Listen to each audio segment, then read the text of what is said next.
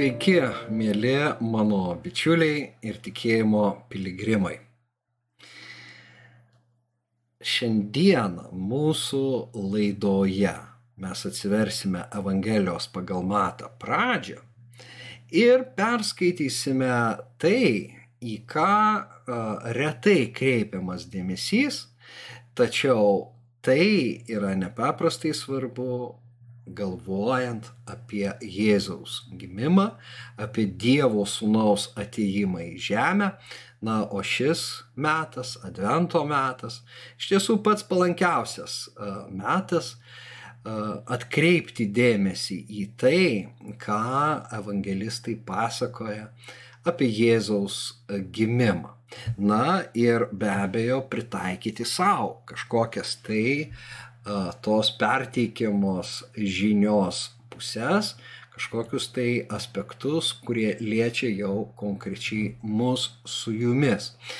Taigi pažadu jums, kad bus įdomu, jau pats temos pavadinimas provokuoja moteris ir žiniai, tačiau jis kyla būtent iš teksto, iš Evangelijos pagal matą prologo, na ir antrojo skyriaus. Tiems iš jūsų, kas dar nesate šio kanalo prenumeratoriais, žinutė, kviečiu jais tapti. Gilinkime į šventą įraštą drauge ir padėkime vienas kitam tikėjimo kelionėje.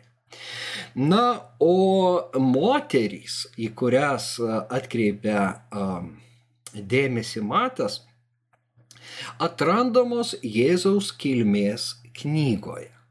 Nes Mato Evangelija prasideda šitais žodžiais Jėzaus Kristaus, Dovido sūnaus, Abromo sūnaus kilmės knyga. Kilmės knygos uh, hebrajams nuo seno buvo labai svarbios.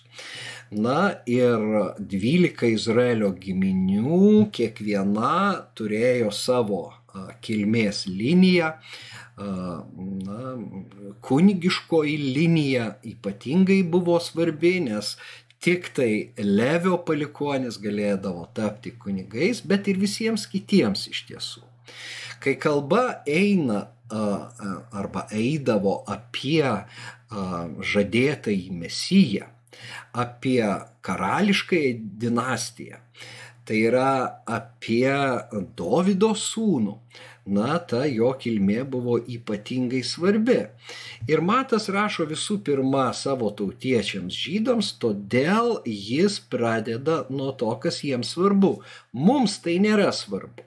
Nes mes e, išaugę kitoje kultūroje, e, tačiau būtent jiems tai be galo, na, kilmės įrašai, sąrašai liudijantis, na, kas, kieno jie yra palikuonys, turėjo nepaprastai didelę reikšmę. Štai kodėl Matas taip pradeda. Tačiau jo kilmės knyga kitokia. Net jeigu palygintume su Luko pateikta kilmės knyga arba tuo genealogijos sąrašu, mes pastebėsime labai greitai skirtumus. Bet vienas iš tų skirtumų yra tas, kad Lukas nemini nei vienos moters, o štai matęs pamini net keturias. Reiškia, jos kažkuo svarbios. Reiškia, jas paminėdamas jis nori mums perteikti kažkokią tai žinią. Iš tai jos aš e, išsirašiau, tai yra Tamara, tai yra Rahaba, tai yra Rūta ir Bačeba, Urijos žmona. Jos paminėtos trečioji, penktoji ir šeštoji eilutėse. Na, tik keli žodžiai apie kiekvieną iš jų, bet uh, galiu iš karto pasakyti, kad tyrėjai bando suvokti. Naujojo testamento tyrėjai, na, kodėl Matas paminėjo būtent šitas moteris, o ne kurias nors kitas. Iš tiesų, na, ta, tie klausimai yra tokie, kas sieja šias mėseninės dinastijos moteris ir kokią žinią tuo matas nori perduoti savo skaitytojui. Na, o šiandien mes esame tie Evangelijos skaitytojai. Kągi mato žinia kalba mums šiandien. Todėl bandoma na, atrasti sąsajas tarp jų. Na, kodėl, pavyzdžiui, Matas nepaminėjo Saros, ar ne, labai kilmingos. Šalia Abromo, na, Sara turėjo ypatingą vardą ir vietą Izraelio istorijoje. Arba, na, Rebekos, Rachelės. Bet pasirenka štai šitas moteris. Na ir pirmas atsakymas yra tas, kad uh, visos šios moteris yra kitatautės. Tamara buvo Judo, vieno iš dvylikos Izraelio patriarchų, Judo marčia. Jo uh, sūnų žmona bet pats Judas į žmonas paėmė kananietę. Jis gyveno Kanano krašte ir uh, todėl, na, manoma, kad Tamara greičiausiai irgi buvo kananietė. Rahaba tiesiai šviesiai apie ją mes uh, skaitome gyveno Jericho, pagoniško Jericho mieste, taip pat Kanaane. Tai yra pirmasis miestas, kurį izraelitai turėjo užimti perkirtę Jordaną. Ir jis nepaprastai buvo reikšmingas kaip pirmoji pergalė pažadėtoje žemėje. Na, Rūta buvo Moabitė.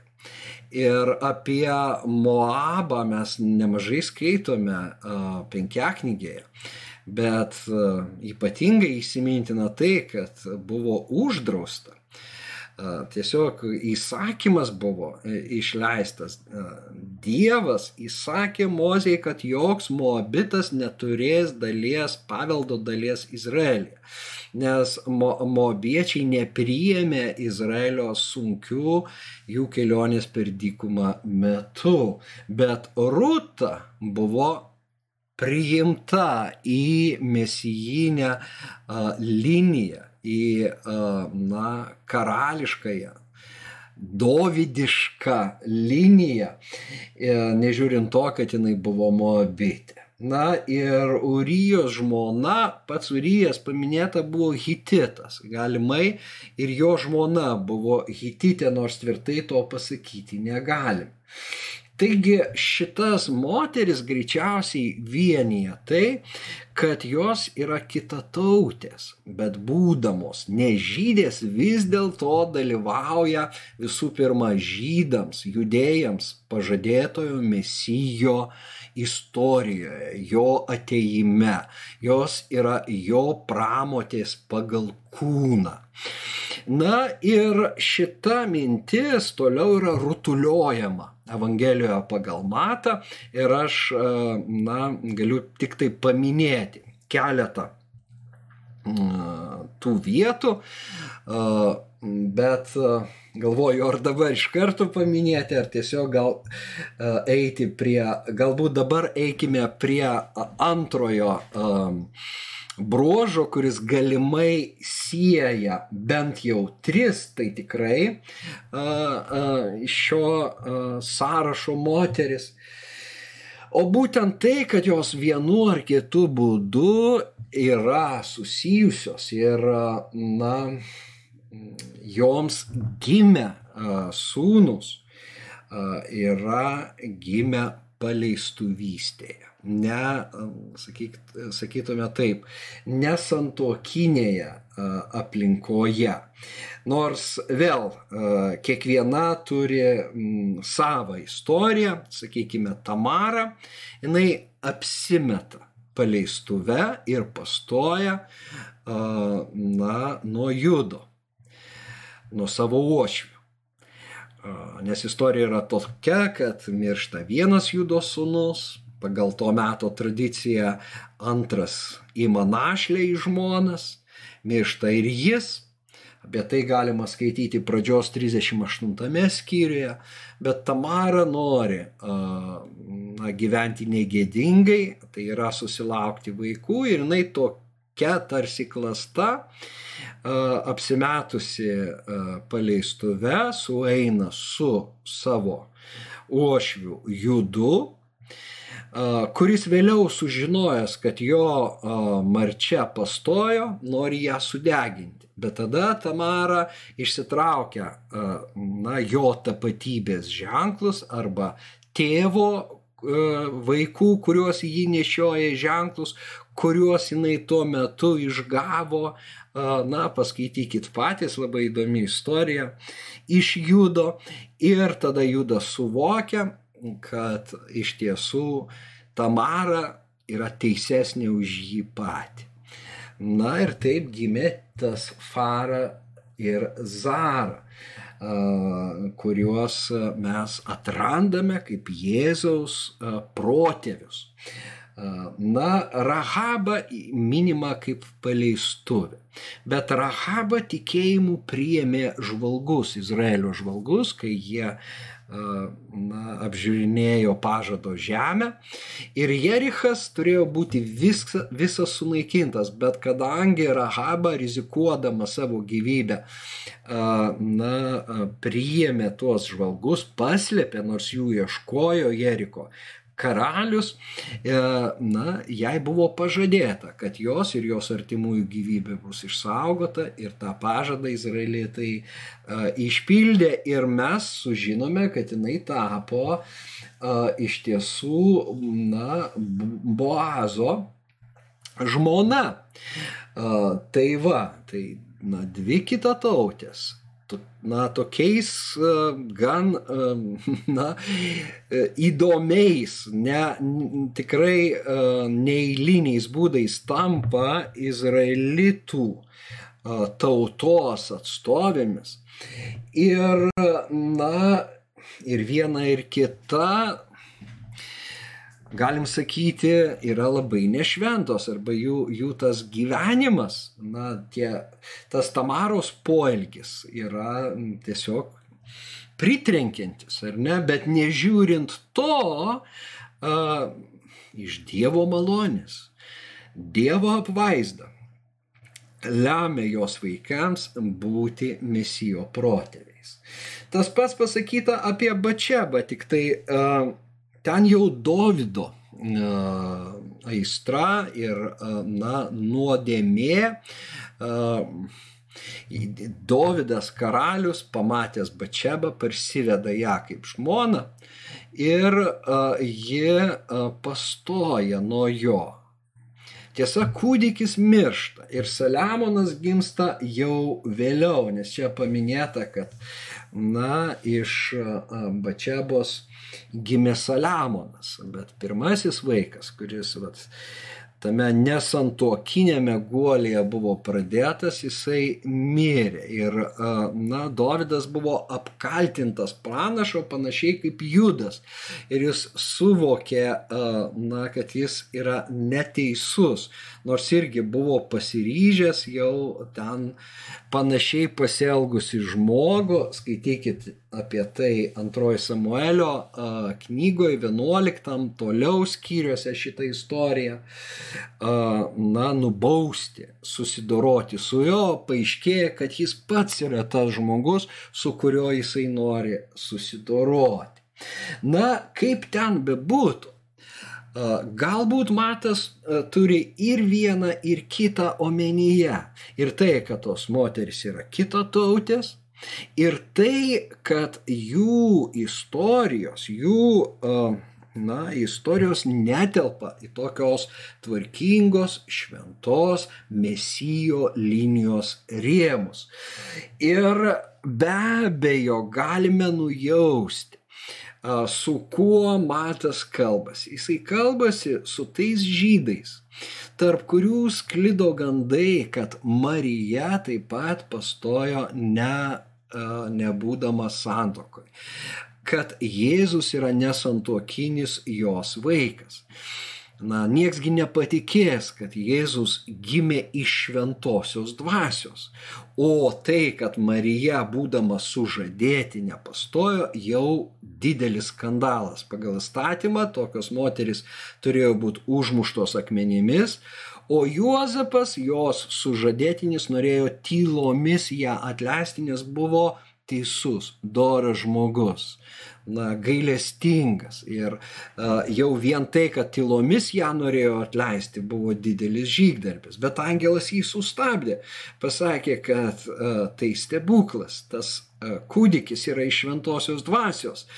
Ir Juozapas pakluso e, tam žodžiui, jis patikėjo Evangeliją, šita žinia iš tiesų. Bet be abejo, gandai, e, apkalbos ir toliau sklido na, tarp žydų ir pasiekė ir mato bendruomenę tiems žmonėms, kuriems jis adresuoja savo Evangeliją.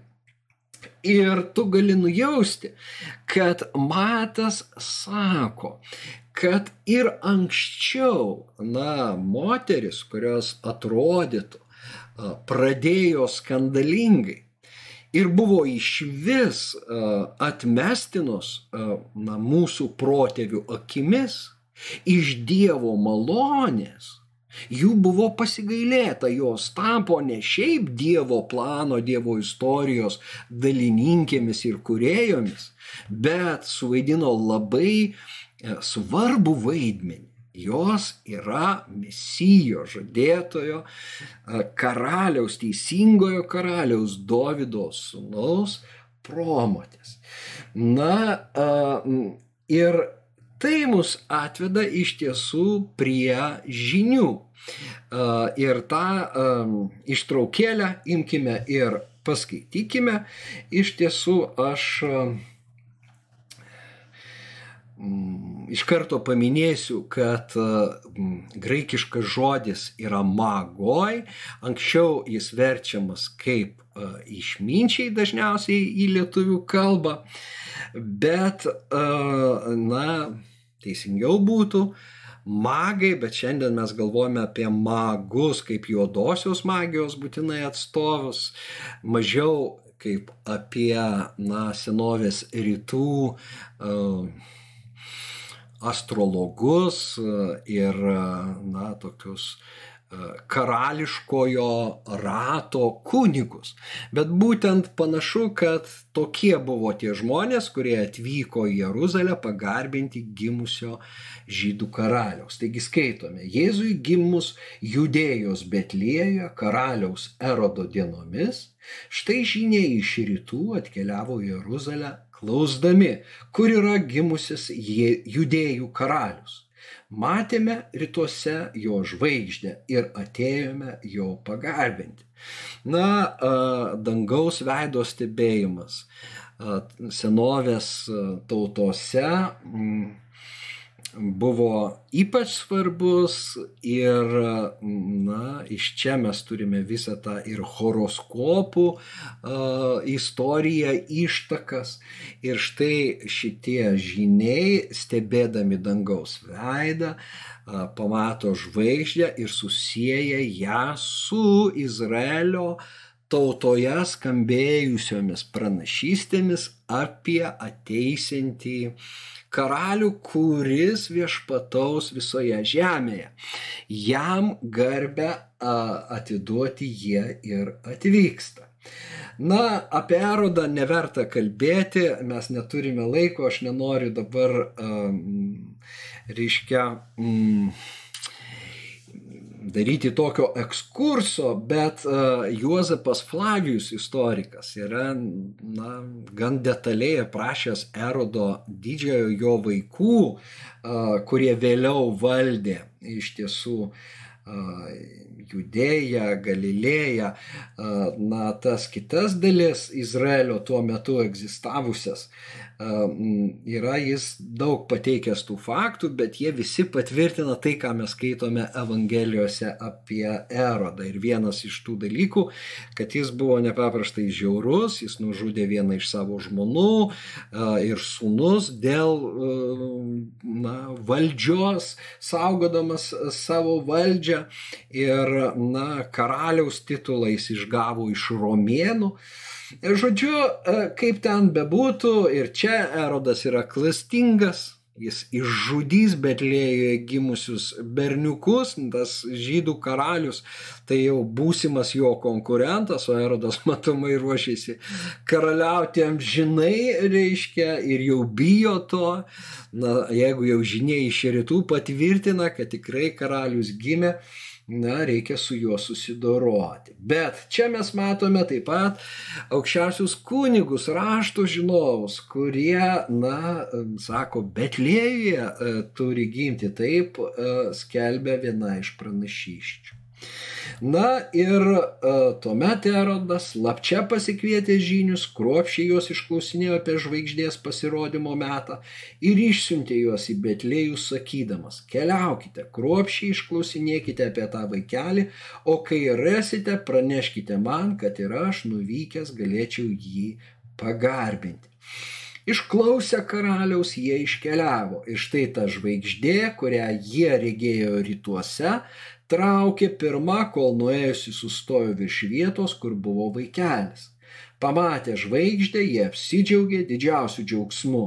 Įėjo į namus, išvydo vaikelį su motina Marija, parpuolė, kniupsti jį pagarbino ir atidarė savo lobių skrinę, sudėjo jam dovanas auksos, milkalų ir miros. Sapne perspėti negrįžti pas erodą, jie kitų kelių iškeliavo į savo šalį.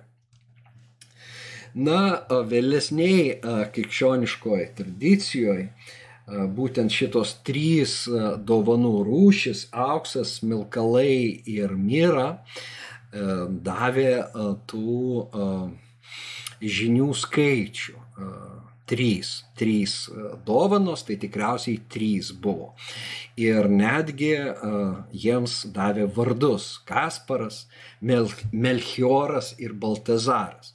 Tačiau iš tiesų mes nežinom nei uh, kokie buvo jų vardai uh, ir kiek jų ten buvo iš viso atvykusių.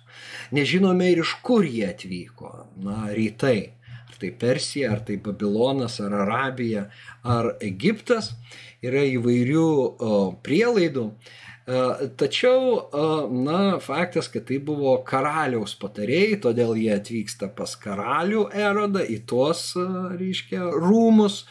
Ir, na, faktas tas, kad jie yra pagonis. Jie tikrai, na, ne pro, prozelitai, neatsivertėliai o tiesiog pagonis atvykę pagarbinti mesijo. Ir matas brėžia tą kontrasto liniją tarp e, Jeruzalės ir rytų.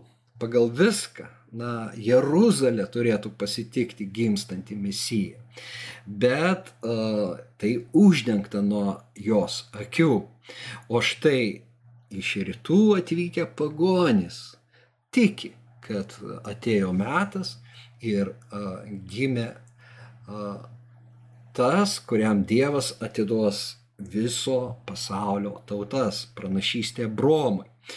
Na ir tada Dovydui duota pranašystė, kad jo a, sostė karaliaus vienas iš jo sūnų ir na, tam karaliavimui nebus galo ir teisingumas teisumas, Dievo šlovė ateis jo karalystės metais. Iš tiesų tai yra Dievo karalystės vizija, pranašystės apie Dievo karalystę, kuri ateina su Jėzumi, bet kitaip negu galvota. Na ir pats karalius gimsta visai kitaip negu laukta ar manyta.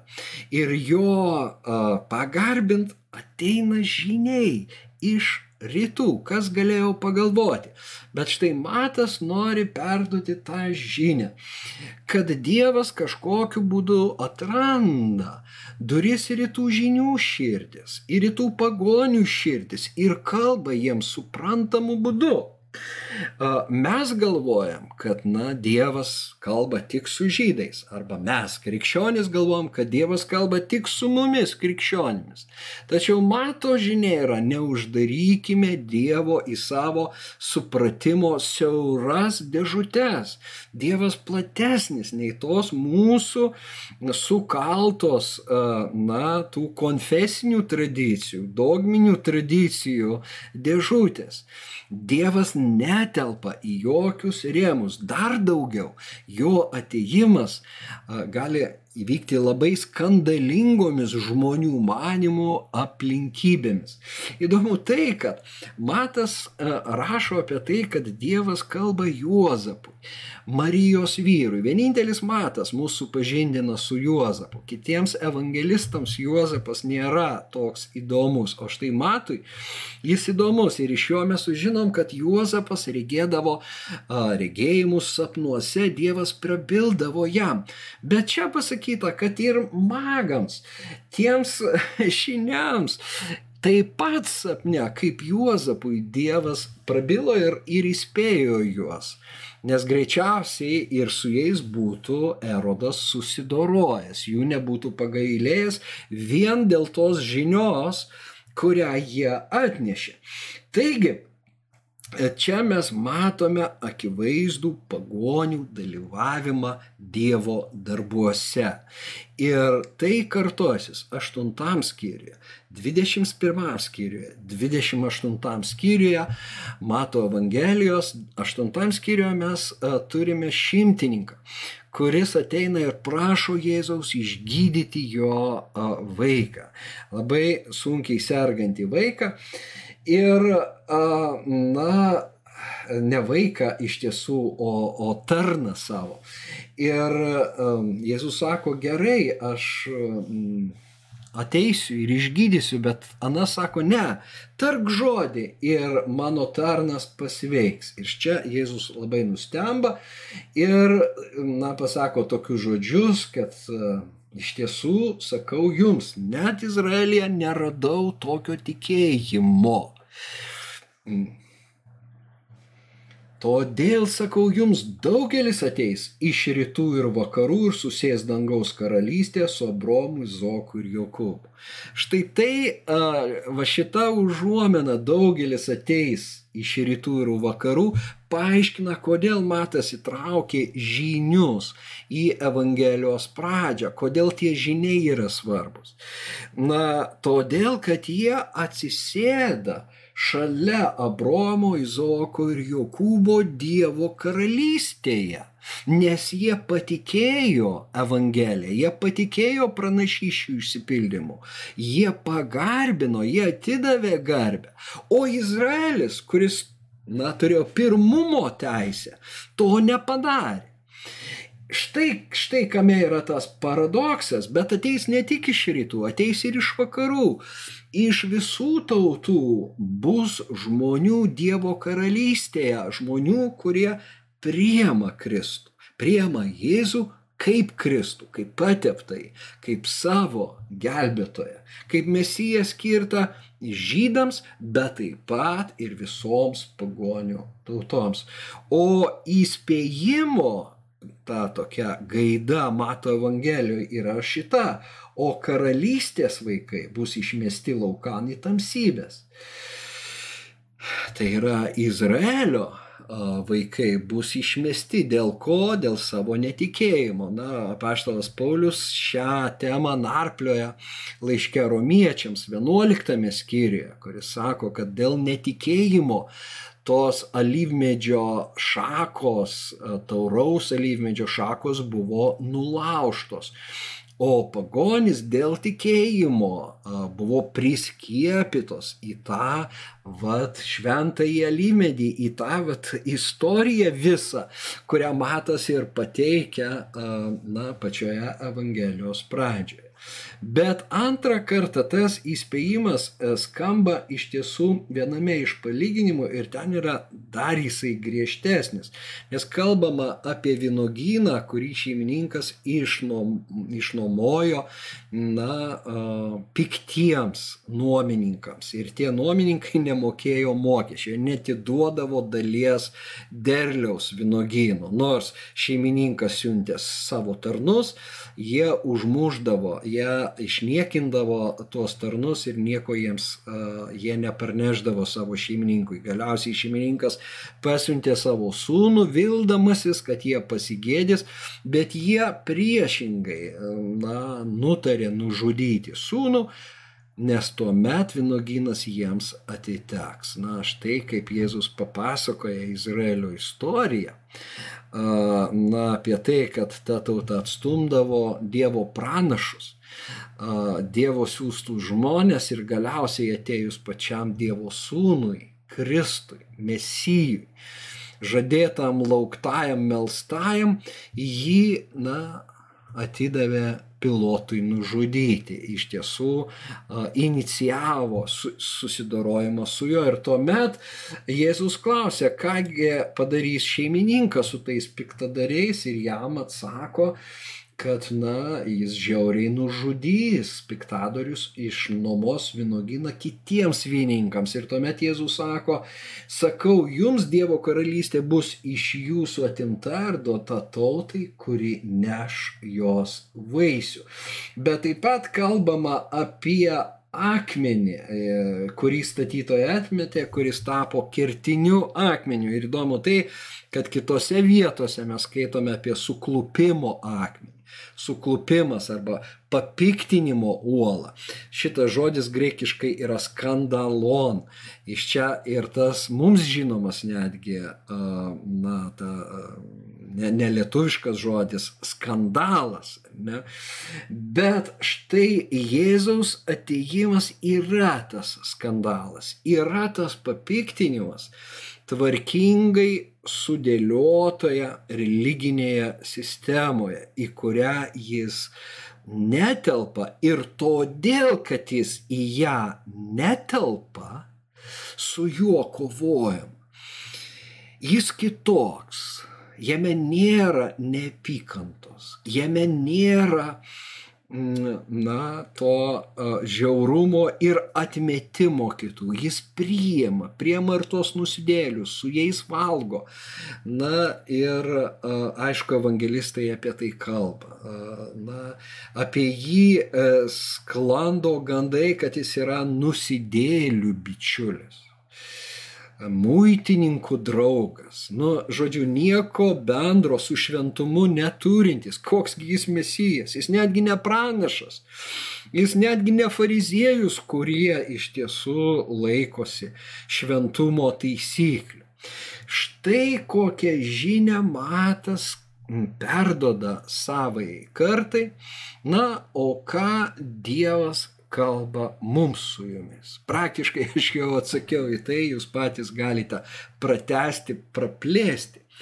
Bet pakartojant ir, na, jau baigiant mūsų laidą, belieka pasakyti, kad uh, adventas yra paradoksas, pranokstantis žmogišką logiką. Adventas Dievo sunaus ateimas į žemę yra slėpinys. Stebuklingas Dievo sunaus ateimas reikalauja iš mūsų, kad mes būtume atviri.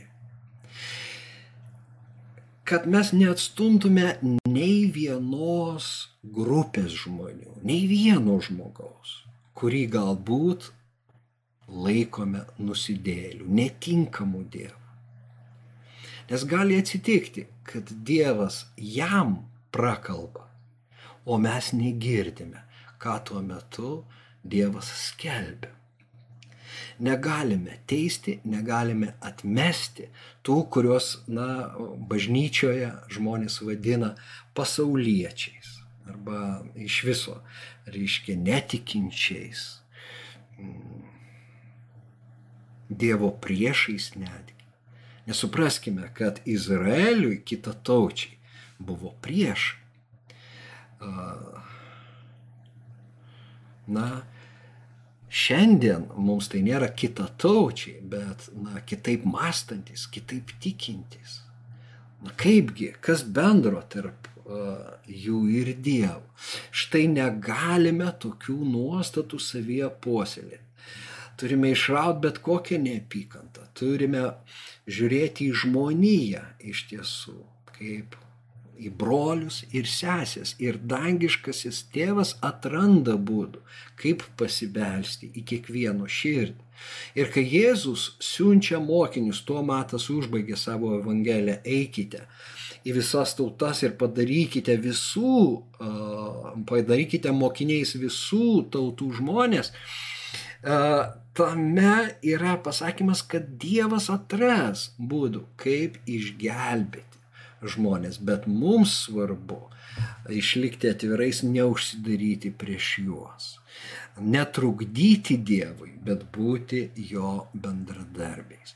Štai kokiu būdu moteris ir žiniai yra svarbus tiek mato Evangelijos žinioje, tiek mums šiandien Advento metu, laukiant Kalėdų Jėzaus gimimo. Dievo artumo, Dievo ramybės, malonės jums visiems ir iki kitų malonių kartų. Sudė.